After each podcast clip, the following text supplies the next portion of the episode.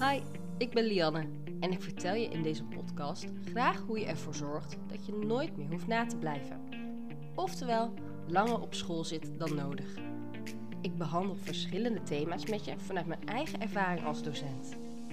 Leuk dat je luistert. Laten we beginnen. Ik ben deze podcast begonnen om bij mijn docentenplanner extra input te geven. Want als startende leerkracht kan het werk soms nogal overweldigend zijn. En soms verwijs ik in de podcast dus ook naar de docentenplanner die ik heb gemaakt. Ben je nou benieuwd hoe deze eruit ziet of wil je misschien wel kopen?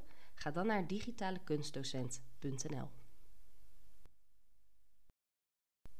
Ja, deze eerste aflevering zal misschien wat langer worden dan de rest. Want ik weet als geen ander dat je het als docent altijd gigadruk hebt.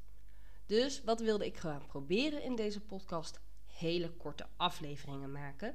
Zodat jij onderweg, of even op de fiets of in de auto, of wanneer je gewoon even eh, tijdens het koken nog even iets wilt weten of leren, dat je naar deze podcast kan luisteren. Ik heb uh, daarbij ook een beetje gekeken wat andere podcasts doen die ook over docentschap gaan. En die kunnen toch makkelijk zo een uur of een half uur vol lullen. Um, ja, dat ga ik dus niet proberen. Op dus misschien deze aflevering. Nou, ik weet niet hoe snel ik kan praten straks over mijn eerste onderwerp. Want ja, waar begin je dan mee? Dat is natuurlijk dan het vervolgvraag. En aangezien ik het aan de agenda of de docentenplanner koppel nooit meer nablijven, wil ik er wel iets relevants mee doen van ja, hoe gebruik je deze? En hoe kan ik toch nog tips geven aan docenten die niet deze planner hebben?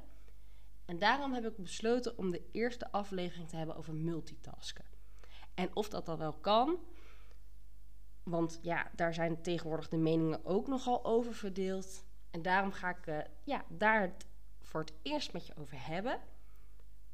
En ja, sorry, maar soms verwijs ik dus wel even naar de planner, omdat ik daar dus bepaalde dingen heb inge, ja, ingemaakt, vormgegeven heb, die je helpen je week door te plannen. Nou, anyway, we gaan beginnen met deze eerste aflevering over multitasken.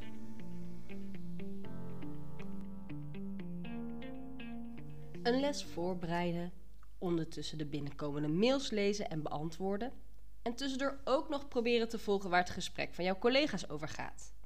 Klinkt dit herkenbaar? Ik denk het wel, want wie doet dit nu niet? Multitasken lijkt voor heel veel mensen efficiënt, maar het tegendeel is toch echt waar. Doordat de resultaten van veel kleine taken snel zichtbaar zijn, ontstaat het idee dat multitasken efficiënt is. Terwijl het natuurlijk veel meer voldoening geeft als je een grote taak hebt afgerond die veel meer tijd heeft gekost. Maar omdat je deze voldoening niet meteen voelt, zijn wij toch geneigd om snel te kiezen voor die kleinere taken. Nou, dat is een van de redenen hoe ik de planner heb gemaakt met van die handige bullets eronder. Want ja, je hebt nou eenmaal veel taken in de week. Door jouw werkdag op te delen in blokken, als dat kan natuurlijk, heb je na het invullen van je lesrooster en je taken gezien dat het controleren van je e-mail en deze beantwoorden er vast nog niet op staat. Door deze ook bijvoorbeeld in te plannen, voorkom je dat je tussendoor heel veel wordt afgeleid. Maar wat je natuurlijk ook kan doen, is gewoon aan het einde van de dag even al je e-mails beantwoorden. Of wanneer dat voor jou beter uitkomt, het begin van de dag.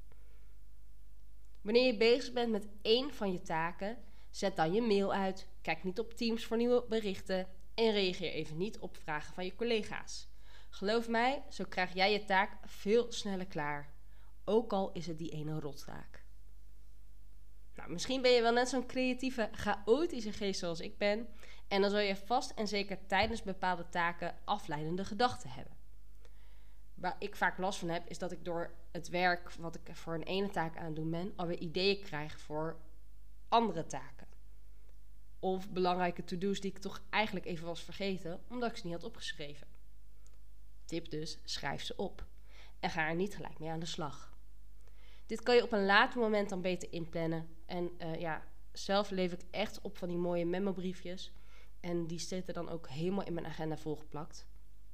Gewoon omdat ik weet, hier moet ik nog even aandacht aan besteden. Het opschrijven geeft mij rust. Want nu weet ik dat ik het niet kan gaan vergeten. En dat is dus ook een van mijn tips naar jullie toe. Het opschrijven van je taken is één van de belangrijkste redenen waarom ik de planner heb gemaakt. Want dit zorgt voor jou tijd en ruimte en dus ook rust. Multitasken gaat eigenlijk nergens anders over dan efficiënt werken. En daarom wil ik deze aflevering eigenlijk een beetje afsluiten met een aantal tips waarvan ik merk dat ze bij mij erg goed helpen. Uh, zit jij toch nog na deze aflevering met een bepaald probleem? Dan mag je die me insturen. En dan ga ik eens kijken of ik daar nog een extra aflevering kan over maken. Uh, om je verder te helpen. Hier komt hij dan, de checklist voor efficiënt werken. Nou, je hebt mij in het begin al horen zeggen: inventariseer je taken. En ik zei het dan misschien niet met zoveel woorden, maar ik zei wel: schrijf al je taken op. Bijvoorbeeld als je geen uh, papieren planner of agenda hebt, eventueel in je telefoon of een lijstje op je laptop, waarbij je dus kan zien wat je allemaal moet doen.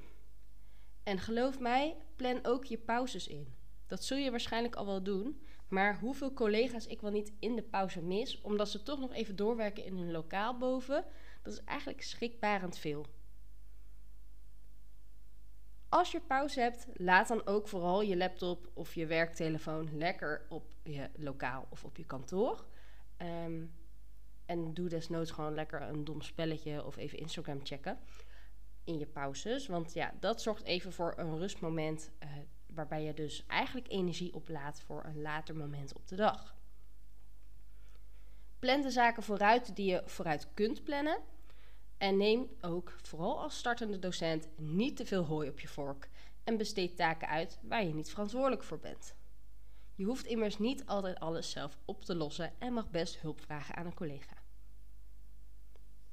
Daarmee wil ik eigenlijk gelijk mijn uh, stap 2, of ja, hoe zou ik het zeggen? Uh, punt 2 uh, eh, aan je voorstellen. Dat is eigenlijk stel je prioriteiten. Als docent wil je misschien alles gelijk helemaal tip en top in orde hebben, maar soms kan dat gewoon niet. Bekijk daarom welke taken het belangrijkste zijn en doe deze dan als eerste, zodat je in je focus komt. Zo verminder je misschien toch de druk die je op je schouders voelt bij het weer maken van een nieuwe les. Of misschien zelfs wel een heel project. Maak dus alsjeblieft een realistische tijdsplanning. Wanneer ga je waaraan werken en voor hoe lang? En wat kan wachten tot morgen of misschien zelfs volgende week? Aan het einde van de dag bekijk ik altijd weer even mijn planner van oké, wat staat er voor morgen op de actiepunten? Wat kan ik misschien al afstrepen? En is er iets bijgekomen in de loop van de dag wat ik op een later moment deze week ook nog moet gaan doen? Heb je tijd over, dan kan je natuurlijk vooruitwerken. En dat is zo fijn, want dat schept weer ruimte voor de week erop. Maar misschien ben je er wel achter gekomen dat je ook meer tijd nodig hebt voor bepaalde dingen. En daarop kan je dus je planning aanpassen. En mijn laatste tip, al gaat die misschien niet voor iedereen op, maar houd je werkplek schoon en opgeruimd. Ik geef een praktijkvak, dus bij mij is het vaak best wel een rommeltje in het lokaal. Maar ik vind het heerlijk om die bijna op de Maricondo manier op te ruimen.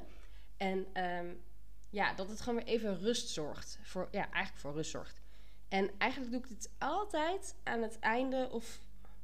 Nee, ik moet het anders zeggen. Voor een vakantie probeer ik eigenlijk ook altijd mijn lokaal helemaal goed op te ruimen. Zodat na de vakantie weer een mooie, goede, verlisse start gemaakt kan worden. Nou, ik hoop dat je iets hebt aan deze tips. Ik denk dat je aan de hand van de uh, docentenplanner nooit meer nablijven, hierdoor dus nooit meer hoeft na te blijven. Maar dat zal niet gelijk 1, 2, 3 gaan. Geloof mij, daar gaat nog wel wat tijd over. Want efficiënt werken gaat samen met tijdmanagement en dat heb je niet zomaar 1, 2, 3 in de hand. Nou, hoe tof is dit? Mijn eerste aflevering staat er gewoon al op. En zoals ik je al beloofd, kort en krachtig.